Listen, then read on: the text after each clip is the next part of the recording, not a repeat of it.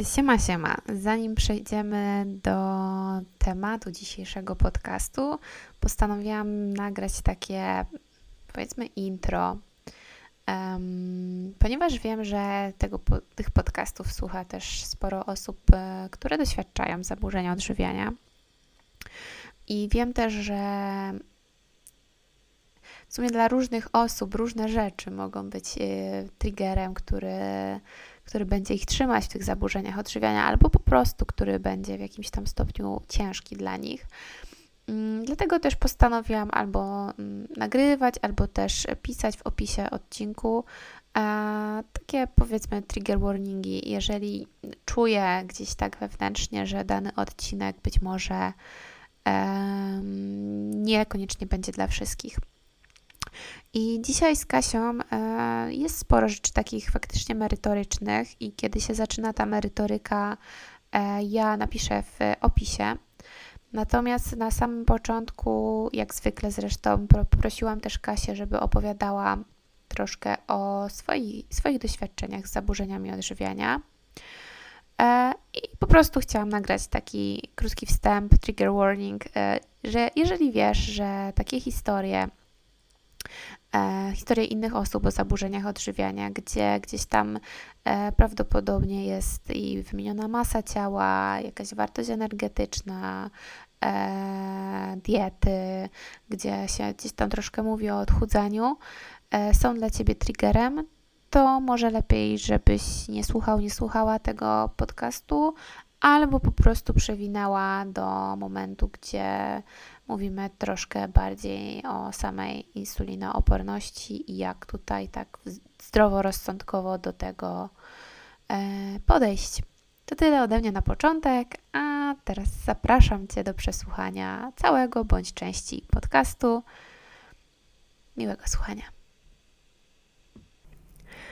Siema, siema, z tej strony Justyna Płoskonka i wysłuchacie mojego psychodietetycznego podcastu Dlaczego wariujemy, w którym opowiadam dużo na temat zaburzonej relacji z jedzeniem, zaburzeń odżywiania i różnych rzeczy około tego.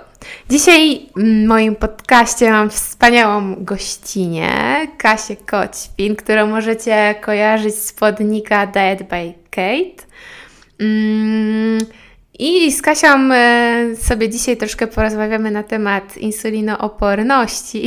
I tak jak właśnie przed chwilą śmieszkowałyśmy, że jak to przekornie poznałyśmy się właściwie e, na szkoleniu odnośnie insulinooporności, które było w Warszawie już parę lat temu, nie? Tak, tak, w ogóle cześć wszystkim. Nie chciałam Justynie przerywać. Zgadza się, poznałyśmy się na e, szkoleniu specjalistycznym z insulinooporności. To było trzy lata temu chyba. Trzy lata temu? Albo cztery? Trzy. Równo trzy, tak. Trzy w październiku jakoś, pamiętam, bo wtedy y, swoją działalność zakładałam we wrześniu i w październiku jakoś było to szkolenie. To na pewno. Albo we wrześniu jeszcze. Mm. E, Kasia, może sama o sobie opowiedz, bo y, powiesz wtedy to, co uważasz, że chcesz powiedzieć. Wiem, że prowadzisz teraz różne kursy, szkolenia, oczywiście prężny profil na Instagramie. Możesz opowiedzieć troszeczkę na ten temat. Tak, akurat takiej drogi się nie spodziewałam no, szkoleniowej, bo no, nie czułam się w tym jakby, nie wiedziałam, czy to jest moja droga, czy nie, bo jednak jest to odpowiedzialność. Natomiast no, temat insulinooporności jest mi bardzo bliski, bo e, sama insulinooporność mam, miałam, co prawda teraz już jest wyrównana, natomiast tendencje zostają. Oczywiście, kiedy się zawali dietę, to, to łatwo z powrotem e, ten organizm rozregulować. E, tak, swój kanał prowadzę zarówno na Instagramie, na Facebooku, teraz TikToka również rozkręcam zazwyczaj kieruję się tym, żeby e, dzielić się z ludźmi tą wiedzą, którą jakby, mm, to znaczy zarówno wiedzą, jak i swoimi doświadczeniami, czyli e, zarówno insulinoopornością, bo to mam jakby, e, PCOS, bo również to mam, zaburzenia odżywiania, tutaj takie podejście psychodietetyczne, bo również to przeszłam, niedoczynność tarczycy, no i takie zdrowe podejście do odżywiania, więc na bazie swojej historii mówią ludziom, jak nie robić, żeby nie przechodzić tego, przez co e, ja przeszłam. i jak temu zapobiec, jak odchudzać się mądrze, z głową, jakie produkty wybierać, które są mniej, które bardziej korzystne i tak dalej, i tak dalej. No, a aktualnie szkolenia, tak, szkolenia E, taki największy kurs e, wypuściłam w sierpniu, Ogarnij sam insulinoporność dla osób, które są początkujące, nie wiedzą co jak, co z czym jeść, co z czym łączyć. E, krótkie, konkretne lekcje, bardzo przydatne. I aktualnie przygotowuję webinar. Pewnie jak będzie słuchać tego odcinka, to już będzie gdzieś wypuszczony, albo jeszcze nie. Nie wiem dokładnie, bo to nie ode mnie zależy, ale na temat witaminy D E, jej znaczenia zarówno w insulinoporności, jak i także na przykład w przebiegu depresji e, czy otyłości, a także innych jednostek chorobowych. Więc to tyle. Czyli możecie dojść do wniosku, że Kasia naprawdę dużo rzeczy robi w swoim życiu. Żyję tym w sumie, to ktoś tak powie, ale e, jeszcze nie potrafię oddzielić swojego życia prywatnego od E, od mojej pracy, dlatego że moje życie prywatne, moja historia jest moją pracą. Nie wiem, już nawet e, ze swoim psychoterapeutką na ten temat rozmawiałam, e, że ona słyszy tylko Diet by Kate, a gdzie jest Kasia?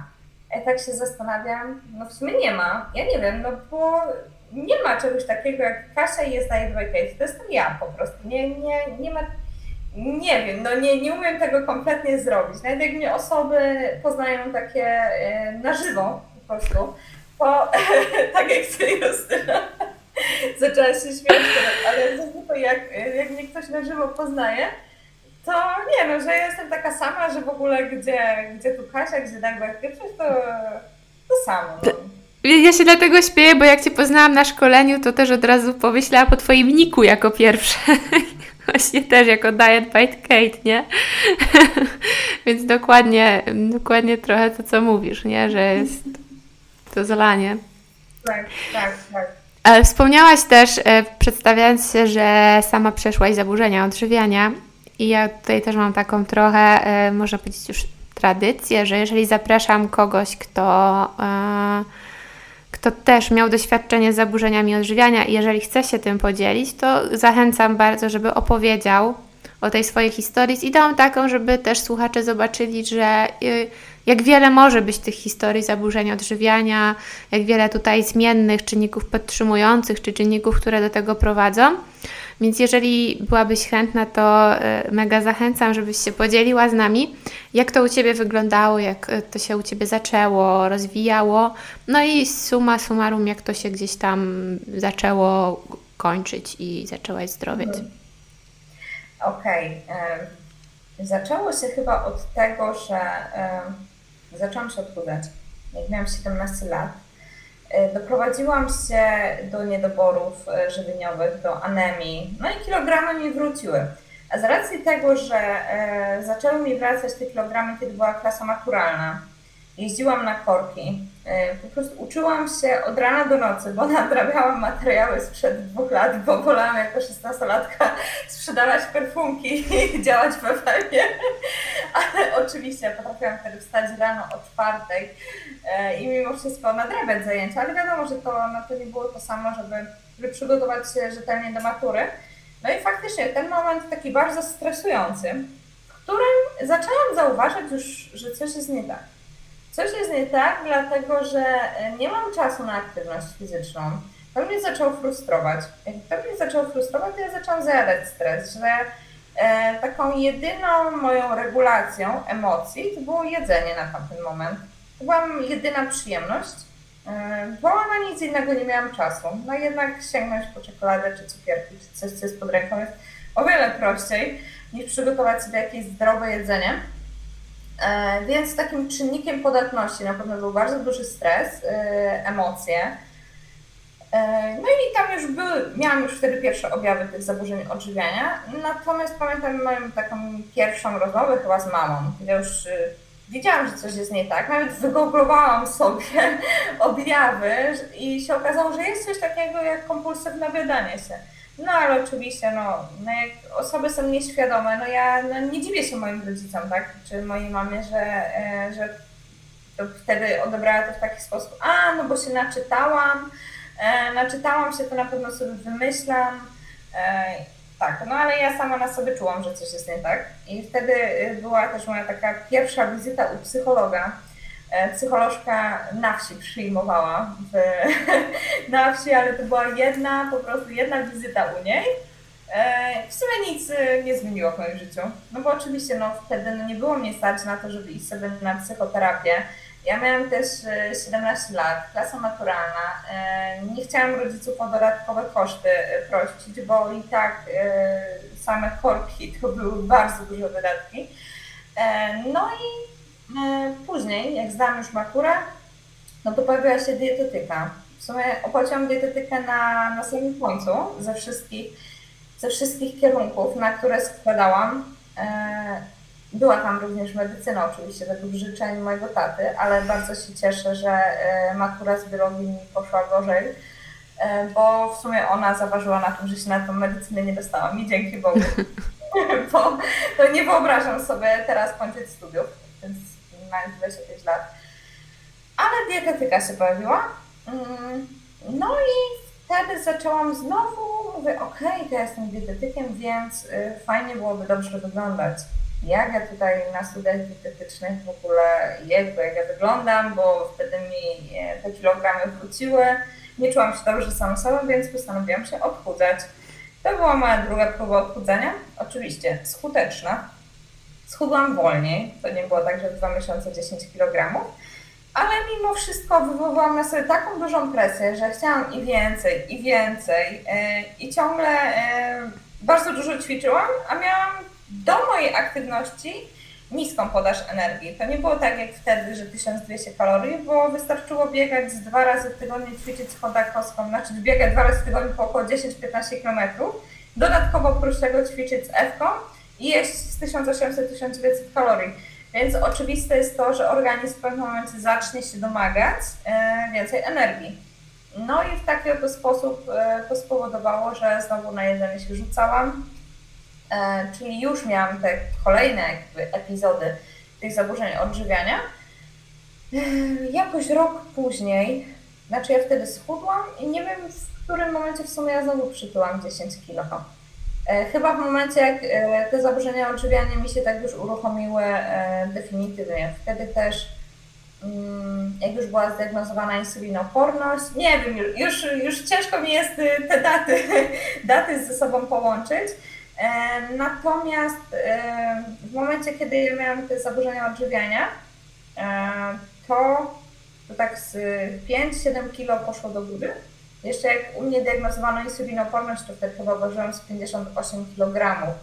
A ja oczywiście nie byłam z siebie wtedy zadowolona. E, mimo, że teraz, no to jest 2 kg tylko mniej niż to, co jest teraz, ale jak patrzę na siebie z perspektywy czasu, to tak sobie myślę, Boże, jak ja cudownie wyglądałam. Naprawdę. Dopiero to z perspektywy czasu widzę, a na tamten moment siebie nienawidziłam. E, to jest mega przykre, Naprawdę, to jak sobie tak patrzę z perspektywy czasu, ile ja zmarnowałam energii, czasu, e, energii chyba najwięcej, na takie zamartwianie się, na, na myślenie, że ciągle jestem nieidealna, e, na zajadanie tego. Mm, kurczę, no to był, to był zmarnowany czas, bo z perspektywy e, teraz dwóch czy trzech lat, mimo wszystko w, w takiej jakby że ważyłam wtedy tyle, to teraz bym się czuła o wiele jeszcze lepiej e, niż na przykład to, co jest teraz, mimo że w pełni to akceptuję i w ogóle jest ok, to, to wiem, że tamte kilogramy jakoś lepiej się z tym czułam, no a wtedy w tamtym momencie po prostu siebie nienawidziłam i chciałam jeszcze więcej schudnąć i, i tak dalej, i tak dalej. No i powstało takie błędne koło, które trwało kilka lat.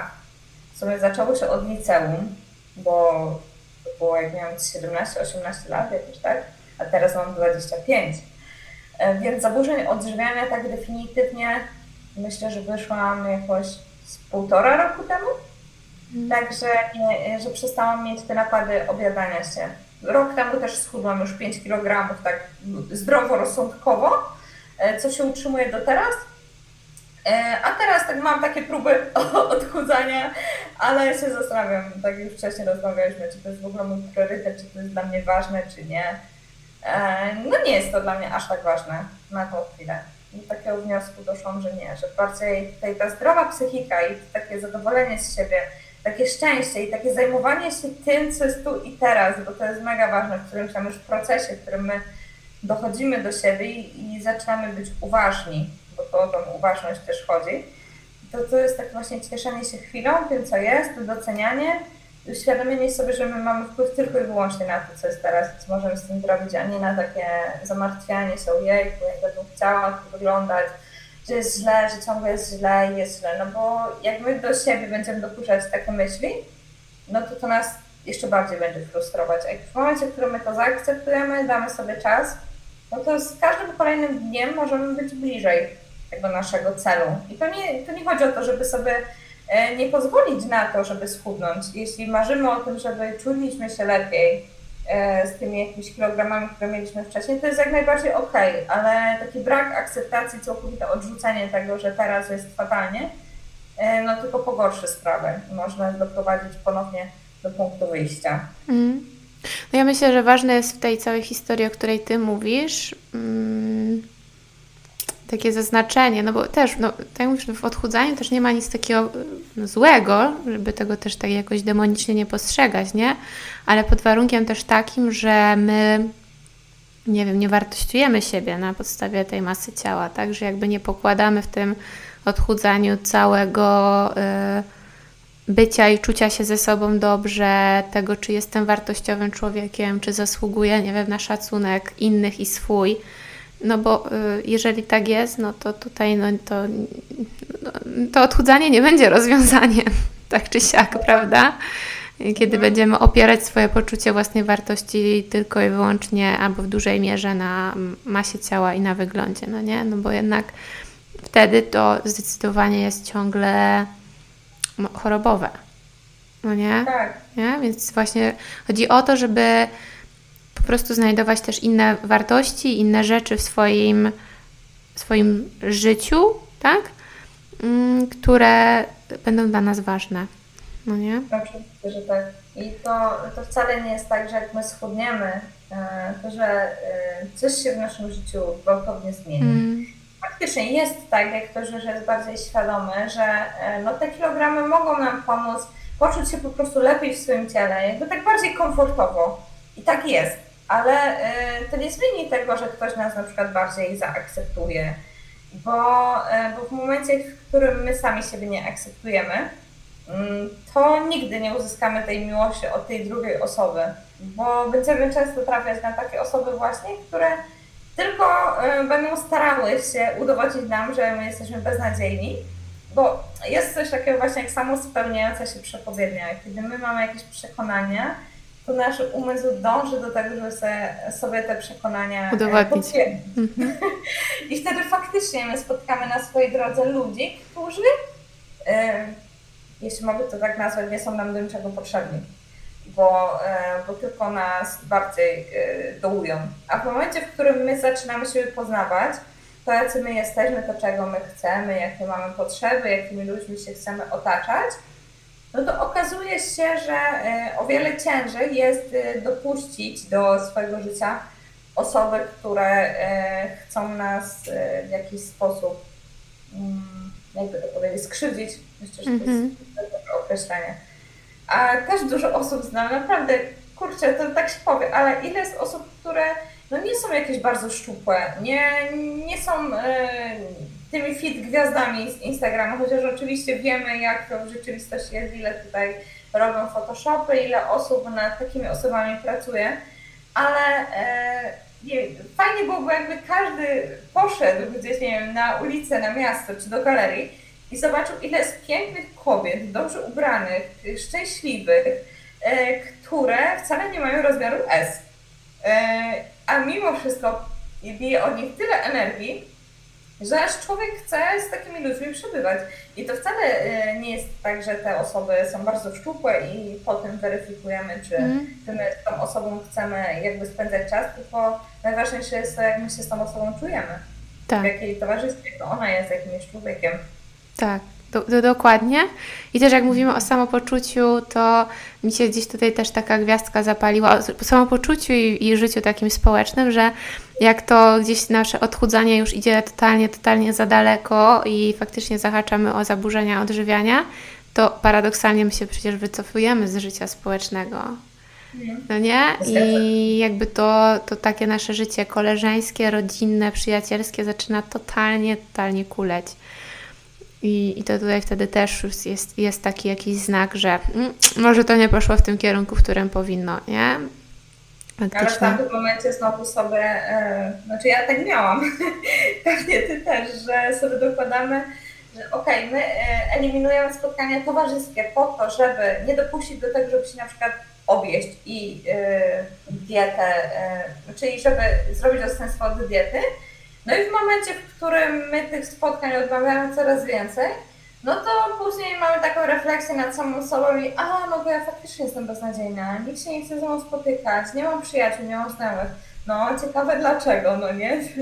Czy to dlatego, że faktycznie te osoby mnie nie lubią, czy to dlatego, że jestem na wiecznej diecie? Mhm. Tak, no tak. No, yy, no, no, nie mam w sumie co dodać. tak jest, tak jest, totalnie tak jest. Ale no, jakby nie było, da się też to podzielić, bo tutaj ja myślę, że też trzeba by oddzielić zaburzenia odżywiania od jakiegoś zdroworozsądkowego odchudzania się, tak? I jeżeli mówimy o tym drugim, no to oczywiście można to zrobić w taki sposób, żeby to życie społeczne totalnie no, nie kulało i, i można chodzić ze znajomymi, spotykać się z nimi i, e, i jednocześnie gdzieś tam e, iść w tym kierunku, w którym się chce, no nie? Ale zasadniczo spotkałyśmy się po to, żeby trochę porozmawiać o insulinooporności, ponieważ no właśnie kurs, który gdzieś tam nagrywałaś, tego dotyczył, więc też uznałam, że będziesz e, fajną osobą, która właśnie ma własną historię z zaburzeniami odżywiania, a jednocześnie też mówi o tej insulinooporności, żeby ugryźć te dwa tematy w jedno. I pierwsze takie, pierwsze takie pytanie to bym chciała się Ciebie zapytać, jakbyś mogła słuchaczom wyjaśnić tak totalnie na chłopski rozum, czym jest insulinooporność. Mhm. No tak w skrócie mówiąc, e, jest to zaburzenie polegające na tym, że nasze tkanki są niewrażliwe na działanie insuliny, pomimo jej podwyższonego lub prawidłowego poziomu we krwi. No jeśli taki stan jest bardzo długi w naszym organizmie, to to może prowadzić do cukrzycy, do zespołu policystycznych jajników, E, do otyłości i do szeregu różnych chorób. Aczkolwiek e, właśnie tutaj ostatnio nawet Damian Parol wstawił taki post e, i spytał w komentarzach, co my sądzimy. A propos tego, że najpierw jest otyłość i, Boże, nie wiem, żebym teraz nie, nie spaprała. Chodzi o to, że sama insulinoporność nie powoduje otyłości, mm -hmm. że jak ktoś jest otyły, to ma ten stan zapalny i tutaj jeszcze taństwo zaczyna występować. Natomiast tutaj o to, że e, to nie jest tak, że my na przykład mając insulinoporność nie schudniemy, bo oczywiście, że my schudniemy, ale osoby z insulinopornością mają ciężej. Dlaczego? Dlatego, że nawet skomponowany odpowiednio posiłek z pozoru może się wydać skomponowany odpowiednio, bo na przykład jest tam zdrowy banan, zdrowy banan, e, mleko i pijemy sobie koktajl, na przykład banan, truskawki, mleko. No i wydaje nam się, że to jest fajny, spoko posiłek. Natomiast jak osoba z insulinopornością wypije sobie taki koktajl, w którym mm, tak, banan ma wysoki indeks glikemiczny, nie ma tam źródła tłuszczów, e, białka z mleka jest niewiele, no to po godzinie będzie głodna. No i, i o co tutaj chodzi? No takiej osobie jest ciężej wytrwać w tym deficycie, dlatego że będąc głodna, doprowadzając do tego, że cukier wskoczył e, na bardzo wysoko, bardzo, okej, okay, no wiadomo, że to jest pojęcie względne, ale cukier skoczył wysoko, powstał e, wyrzut insuliny i my znowu sięgamy po posiłek. I będzie nam ciężej być w deficycie, jeśli my co chwilę będziemy głodni. Dlatego, mhm. że będziemy jeść. No i dlatego, że my będziemy jeść, to doprowadzimy się do nadwyżki energetycznej. Jak się doprowadzamy do nadwyżki energetycznej, to gromadzimy tkankę tłuszczową. Tkanka tłuszczowa pogłębia stan zapalny. E, to znowu pogłębia insulinoporność, no i powstaje takie błędne koło. No i do momentu, w którym my nie zaczniemy odpowiednio patrzeć na tą naszą insulinoporność, w odpowiedni sposób komponować naszych posiłków, tak, żeby nie doprowadzać do nadmiernych wyrzutów tej glukozy, żeby posiłki były syte, żeby syciły nas na dłużej, to wtedy jest o wiele mniejsze prawdopodobieństwo, e, że my doprowadzimy na przykład do długiej, e, czy na przykład do długiego odstępstwa między jednym a drugim posiłkiem, żeby spowodować to, że nagle się na to jedzenie rzucimy. E, a jak się rzucimy na to jedzenie, no to znowu o wiele łatwiej jest nam doprowadzić do nadwyżki energetycznej. No i w sumie tak było u mnie też, tutaj nawiązując do zaburzeń odżywiania, że jak występowały te próby znaczy, jeśli występowało to kompulsywne obiadanie się i zaczęłam gromadzić coraz więcej kilogramów, no to ten, ta insulinoporność zaczęła się pogłębiać. E, więc to jest takie błędne koło, z którego ciężko jest wyjść, e, ale da się, da się. O ile ogarniemy dobrze tą dietę i w takim przypadku, kiedy występuje mieszanka zarówno insulinoporności, jak i jak i zaburzenia odżywiania, no to warto jest zacząć współpracę najlepiej z psychodietetykiem, który zna się zarówno na psychice, jak i na diecie. Mm-hmm. Ty tutaj Justyna, no nie? Ty się specjalizujesz w insulinoporności, ale ty wiesz jak podejść do pacjenta, żeby mu pomóc. Że nie powiesz mu tylko i wyłącznie jak on ma i o, a no trzeba by było jeść zdrowe posiłki, ale wiedząc, że występują tutaj kompulsje, no jak dasz, powiesz mu, żeby zjadł, nie wiem, taki właśnie koktajl bananowy, no to on za chwilę będzie miał takie założenia koncentracji, będzie taki głodny, e, że po, pogłębi ten swój stan i będzie coraz gorzej. I to wcale nie będzie wina tego, że on nie chce wyjść z zaburzeń odżywiania, tylko sam organizm zacznie tak wariować i się domagać o to jedzenie. Mhm. No tak. Dwa to też jakby jeżeli mamy gdzieś tam te spadki takie po, po takim posiłku, no to też powoduje jakąś taką senność i tak dalej, więc też nasza aktywność fizyczna wtedy dosyć tak ta spontaniczna aktywność fizyczna, nie? Dosyć mocno kuleje, prawda? Tak, zgadza się. Jesteśmy senni, mamy mało energii, yy, więc zamiast iść na spacer, kładziemy się spać, no co jest zrozumiałe jednak, bo, mm. no, bo mhm. nasz organizm nam się tego domaga. Po mm. prostu. Pytanie takie, czy wiem, że jakby podzieliłaś się swoją właśnie historią, ale czy zaburzenia odżywiania mogą doprowadzić do insulinooporności? Mhm. Mogą oczywiście Znaczy zależy jakie. Jest dużo e, rodzajów, dużo rodzajów zaburzeń odżywiania, na przykład taka ortoreksja, gdzie my pilnujemy wszystkiego i w ogóle e, dbamy o to, co się pojawia na naszym talerzu, e, no to, to nie wiem. nie wiem, wiadomo, każdy insulinooporność zależy od bardzo dużej ilości czynników. Mhm. To są osoby szczupłe, które mają insulinooporność i to wcale nie jest spowodowane tym, że ta osoba na przykład ma jakieś tam błędy dietetyczne. E, natomiast jeśli chodzi o same zaburzenia odżywiania, no to jeśli my sięgamy coraz częściej po to jedzenie, doprowadzamy do napadów, no to e, no wyobraźmy sobie, że nasza trzustka jest non-stop atakowana przez słodycze, przez glukozę, no to wiadomo, że ten stan się pogorszy i w którymś momencie E, no, przestanie domagać, bo ileż można, ileż można pracować, ileż można się przejadać, e, chodzi o to, ile może pracować nasza trzustka, tak? Mm -hmm. kiedy na przykład na potrzebowanie kaloryczne to jest 2000 kalorii, a my mamy epizod napadów obiadania się i w momencie jemy na przykład plus dodatkowo 1500 kalorii ze słodyczy. No to to jest męczarnia dla naszej trzustki, więc ta wrażliwość na insulinę się obniży no i wpadamy w błędne koło. Mhm.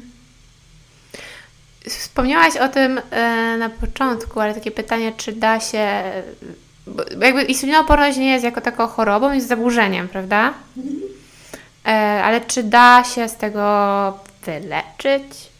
Tak, właśnie słowo wyleczyć. Powiem Ci, że ja też się zaczęłam nad nim zastanawiać, bo dużo osób mówi o tym słowie wyleczyć i faktycznie myślę, że jest bezpieczne, że można tak mówić, że wyleczyć, mimo że to nie jest choroba, ale, no ale wyleczyć dietą.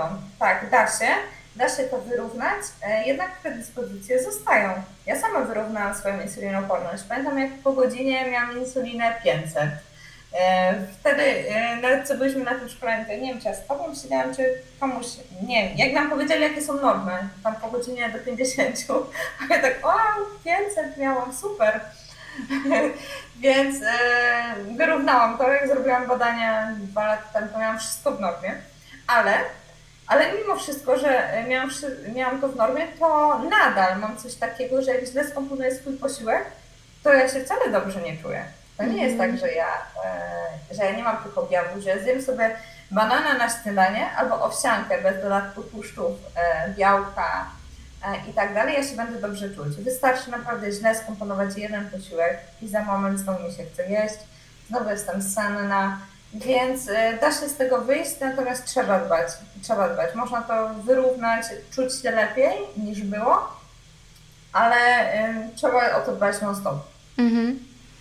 Okej, okay. trochę, trochę wspomniałaś o bilansowaniu posiłków. No i ja bym chciała tutaj tą insulinooporność trochę ugryźć e, w kontekście właśnie e, zaburzeń odżywiania. No bo wiemy tak, z jednej strony e, w insulinooporności mamy pewne gdzieś tam zalecenia żywieniowe a propos w miarę dobrego komponowania posiłków. Zaraz powiemy, jakie to są mniej więcej zalecenia. E, z kolejnej strony wiemy właśnie, na przykład to, co Ty wspomniałaś, nie? że jak źle właśnie trochę skomponujemy ten posiłek, to możemy mieć jakiś tam zjazd, możemy być szybko głodni, więc na przykład możemy mieć jakąś większą um, możliwość do rozwinięcia napadu obiadania się. Ale jeszcze z kolejnej strony, um, no jeżeli my jakoś mocno restrykcyjnie do tego podejdziemy, no to znowu może być jakieś duże poczucie straty, życie w restrykcjach takich mentalnych, prawda? I też y, może to doprowadzić znowu do napadu obiadania się. Jak z y, Twojej perspektywy jako specjalisty można by ugryźć tę, tą dietę, dietę w kontekście sposobu żywienia, tak?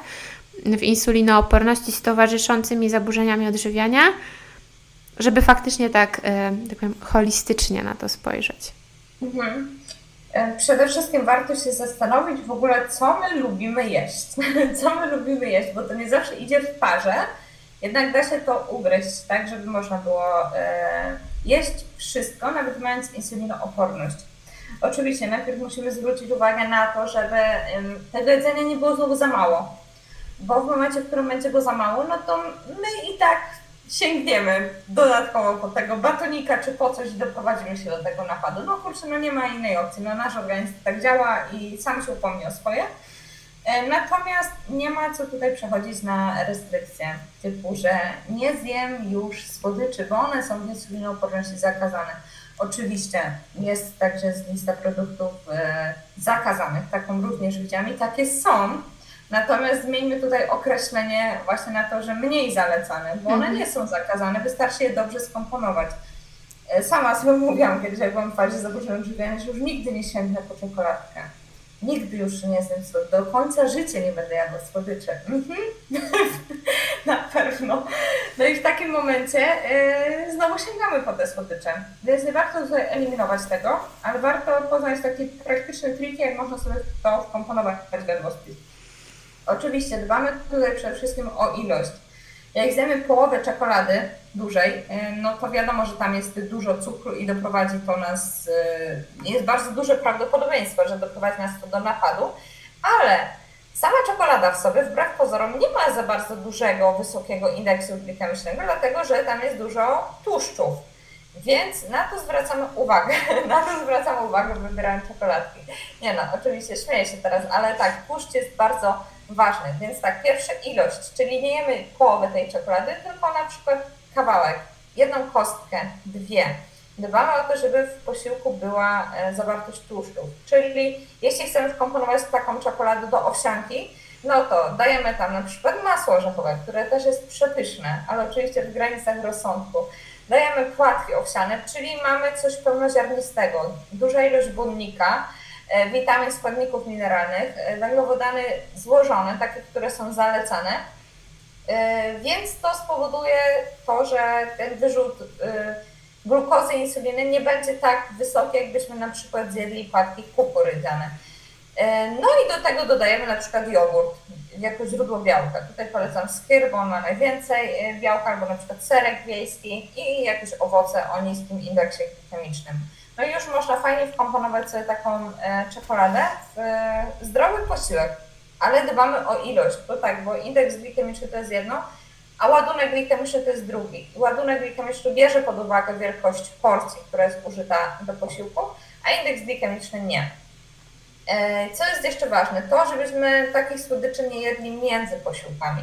Żebyśmy nie doprowadzali do tego, że na drugie śniadanie na przykład bierzemy sobie banana i batona. No bo to jest połączenie takie, które spowoduje, że za chwilę będziemy znowu senni, będziemy e, mieli ochotę na słodycze. E, jeśli chcemy dobrze komponować takie posiłki, to warto na przykład na drugie śniadanie zjeść nawet kanapki i dopiero po posiłku sięgnąć po coś słodkiego. To wtedy jest o wiele mniejsze prawdopodobieństwo, że e, będziemy się czuć źle. Mhm. Czyli można jeść chleb. No oczywiście, że tak. Nawet można biały, aczkolwiek on jest mniej zalecany, wiadomo, ale to tutaj trzeba by było go dobrze skomponować, dać jakiś ser żółty czy rybę, do tego coś, co ma dużą zawartość tłuszczu, dużo błonnika w postaci warzyw. Najlepiej jest zjeść takie warzywa na samym początku e, i będzie dobrze. Natomiast też warto tutaj obserwować swój organizm, bo są badania e, na ten temat, że każdy organizm może reagować inaczej na różne grupy produktów. To jest mega ciekawe. To jest mega ciekawe. Ja sama u siebie zauważam e, taką zależność, że ja na przykład po mleku, po mleku mam zjazd ja nie wiem, czym to spowodowane. To znaczy, domyślam się, bo na przykład samo białko serwatkowe, są badania na białko serwatkowe, że ma wysoki indeks insulinowy yy, i ja po odżywce białkowej się czuję źle. Na przykład po odżywce białkowej się czuję źle i też mam zjazdy, jestem senna. Yy, więc teraz spróbuję yy, z produktami roślinnymi, nawet odżywkę wegańską sobie kupiłam, zobaczymy jak będzie. Więc obserwujmy się, bo to nie chodzi o to, żeby nie jeść, nie jeść na biału, bo, bo to tak nie działa, e, tylko po prostu nasz organizm może różnorako zareagować na, na hmm. produkty, które są e, nawet o niskim indeksie glikemicznym. No tak, i tak samo myślę w przypadku tego chleba, nie? No bo powiedzmy, że bardziej gdzieś tam e, teoretycznie sprawdziłby się ten pełnoziarnisty, no ale na przykład w przypadku zaburzeń odżywiania niektórzy mają już jakieś problemy jelitowe i u nich mm, no ten pełnoziarnisty nie do końca będzie na przykład fajnym wyborem, prawda? Więc tutaj myślę, że jak najbardziej możemy też pójść w jakiś taki bardziej trochę oczyszczone, oczyszczone pieczywo, tylko właśnie fajnie, żeby sobie to y, dobrze gdzieś tam dokomponować i podbilansować ten posiłek, żeby y, no właśnie nie mieć po prostu potem takiego zjazdu energetycznego, no nie? Zgadza się. To tak samo jak są osoby, które mają na przykład reflux, e, mhm. problemy z żołądkiem i mają współ, e, współwystępuje u nich insulinoporność. No to to jest identyczny zabieg. No, nie damy takiej osoby pełnoziarnistego chleba, kaszy gryczanej, tylko wybierać te drobne, przetworzone, ale bilansuje się to głównie źródłem tłuszczów i białka. Mhm, dokładnie. Um...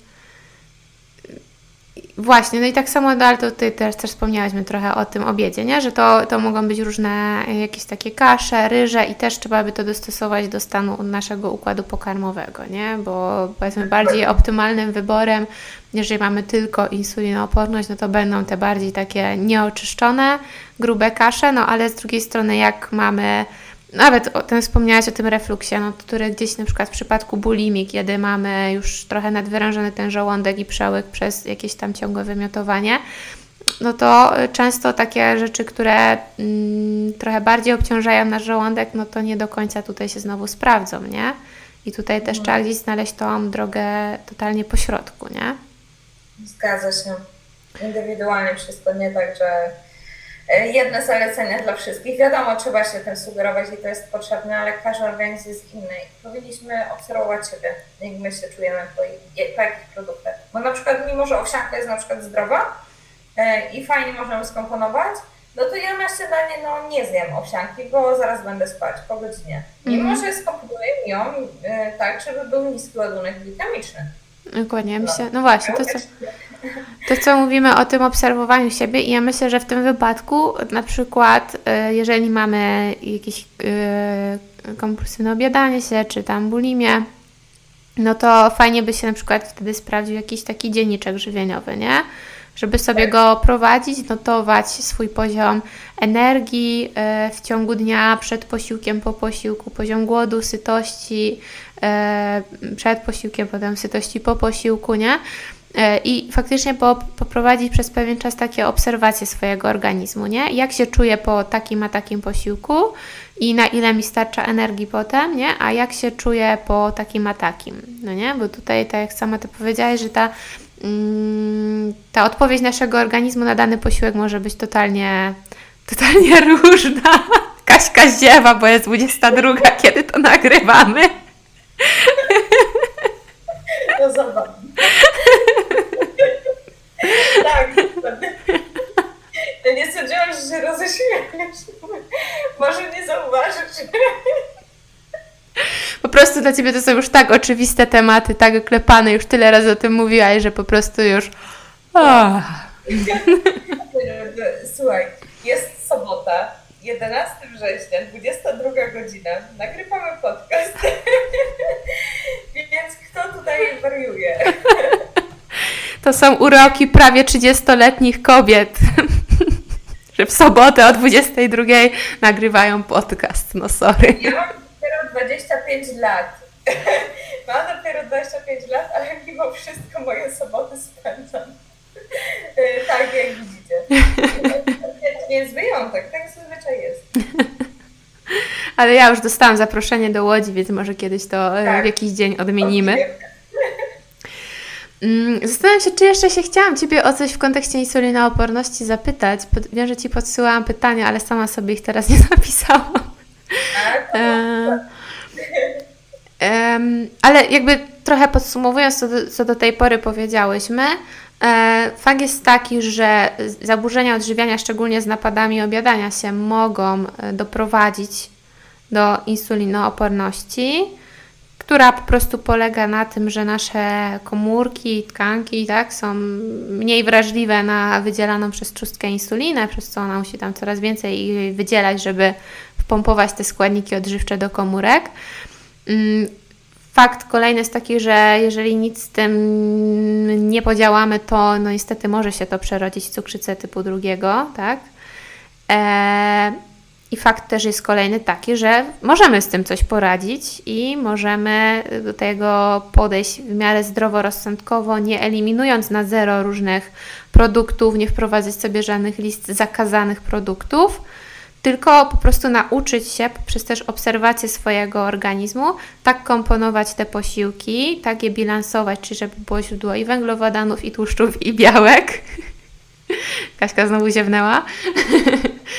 E, żeby, e, żeby po prostu mieć dobrą energię po tych posiłkach, prawda? I żeby nie mieć zjazdów energetycznych, które będą prowadzić albo do takiej faktycznie ospałości, takiej trochę niechęci do robienia różnych rzeczy, albo poprzez te wahania cukru we krwi też mogą gdzieś tam, może nie, nie też bezpośrednio, ale gdzieś przyczyniać się do na przykład yy, napadów obiadania się, no nie? No, na pewno jest bardziej prawdopodobne niż, e, niż jakbyśmy, znaczy chodzi o to, że jak jest insulinooporność, to jest większe prawdopodobieństwo do tego, że te napady będą występować mm. częściej. Bo one same w sobie, sam jeden objaw diagnozujący insulinooporność to jest napady na na przykład na słodycze mm -hmm. albo stałą ciepłotą. Więc no o wiele prościej jest wpaść w błędne koło. Mhm, dokładnie. Czyli jakby to może być y, dwukierunkowe, prawda, że albo insulinooporność może gdzieś tam przyczynić się do wystąpienia jakiegoś tam nadmiernego jedzenia, ale w drugą stronę, że jakieś tam nadmierne jedzenie może też się przyczynić do rozwinięcia insulinooporności, nie? Dokładnie tak. Kasiu, będziemy powoli kończyć, żebyś mogła położyć się spać, a ja żebym mogła wrócić do domu, bo jeszcze jestem w gabinecie. E, ale czy coś byś chciała jeszcze powiedzieć na podsumowanie, coś dodać do tego, co ja powiedziałam, e, coś dopowiedzieć, poprawić? E, myślę, że powiedziałyśmy już bardzo dużo. Mm, natomiast taka wskazówka mm, właśnie dla osób, które mają e, nie wiem, bulimię czy kompulsywnie się obiadają, jeśli będą stosować zalecenia właśnie dla osób z insulinopornością, znaczy wiadomo, że to jak jest bulimia, no to yy, no zwracam uwagę na to, żeby było bardziej lekkosprawne, no ale samo kompulsywne obiadanie się, jeśli będziemy stosować takie zalecenia jak pod IO i dobrze komponować posiłki, no to jest mniejsze prawdopodobieństwo, że właśnie będziemy głodni, że za chwilę się znowu na coś rzucimy. No i warto szukać fajnych potraw, e, fajnych posiłków, w których możemy jeść wszystko i kontrolować po prostu to, jak my się czujemy, jak jesteśmy nasyceni. No i w pewnym momencie już dojdziemy do takiej wprawy, że no będzie dobrze, po prostu będzie dobrze i wyjdziemy z tego. Tak, Bo no, z tego wyjść, to jest ważne, tylko trzeba się nastawić e, na proces i bo- być cierpliwym. Pamiętam, jak poszłam do psychoterapeuty, już tam, była moja druga, druga psychoterapeutka, nie liczę tej pani, tam co przyjmowała na wiosce mojej. E, I ona mi powiedziała, że no, nie, nie wiem jak to była rozmowa, ale że a, że już może nie sięgnę po słodycze. Ona się tak patrzy, mhm, no proszę się liczyć z tym, że te napady będą jeszcze kilkanaście, kilkadziesiąt razy występować. Więc w swojej historii mogę myślę, że śmiałam powiedzieć, że tych napadów to kilkaset było na pewno.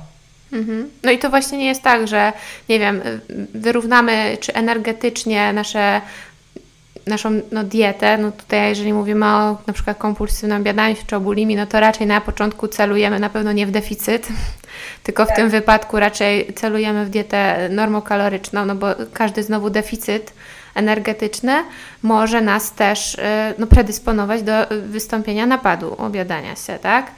Mm, I stres dodatkowy też, kortyzol stres robi. no właśnie, dokładnie. Mm, Czyli musimy się zaopiekować też tutaj w tym wypadku tym, żeby e, raczej przynajmniej na początku nie być w deficycie i najpierw sobie unormować relacje z jedzeniem e, i no i nie mieć tych restrykcji takich jakościowych, prawda? Czyli nie, nie zabraniać sobie jakichś produktów, tylko umieć je fajnie wkomponować w posiłki. No i zaopiekować się właśnie e, tymi emocjami, tak? No bo tutaj mówimy o takim aspekcie żywieniowym, który może gdzieś tam prowadzić do napadów obiadania się, ale często takie niezaopiekowane emocje, napięcie, smutek, cokolwiek, też możemy w ten sposób to, to odreagowywać, prawda? Poprzez nadmierne jedzenie. No i tutaj to jest no, jeden kierunek, czyli psychoterapia, prawda? I tutaj, żeby sobie mm, żeby sobie pomóc. Trzeba pozwolić sobie te emocje czuć w pewnym momencie. Nie dusić, e, tylko zacząć je też nazywać. Na początku obserwować i nazywać. E, I pozwolić sobie właśnie na tę złość, i na ten płacz, i na ten smutek. No bo trzeba gdzieś to wypuścić w którymś momencie. A tu z, na samym końcu doszłyśmy do samego początku, z czego to się może brać. Dokładnie. Tak, to- Dokładnie. Dobra, Kasiu, ja Ci bardzo dziękuję za przyjęcie zaproszenia do tego podcastu. Mam nadzieję, że jeszcze się usłyszymy nieraz i spotkamy się w Łodzi. Tak, tak, zapraszam serdecznie. Dziękuję Ci bardzo i miłej nocy Ci życzę. I to wy również. Dzięki, na razie.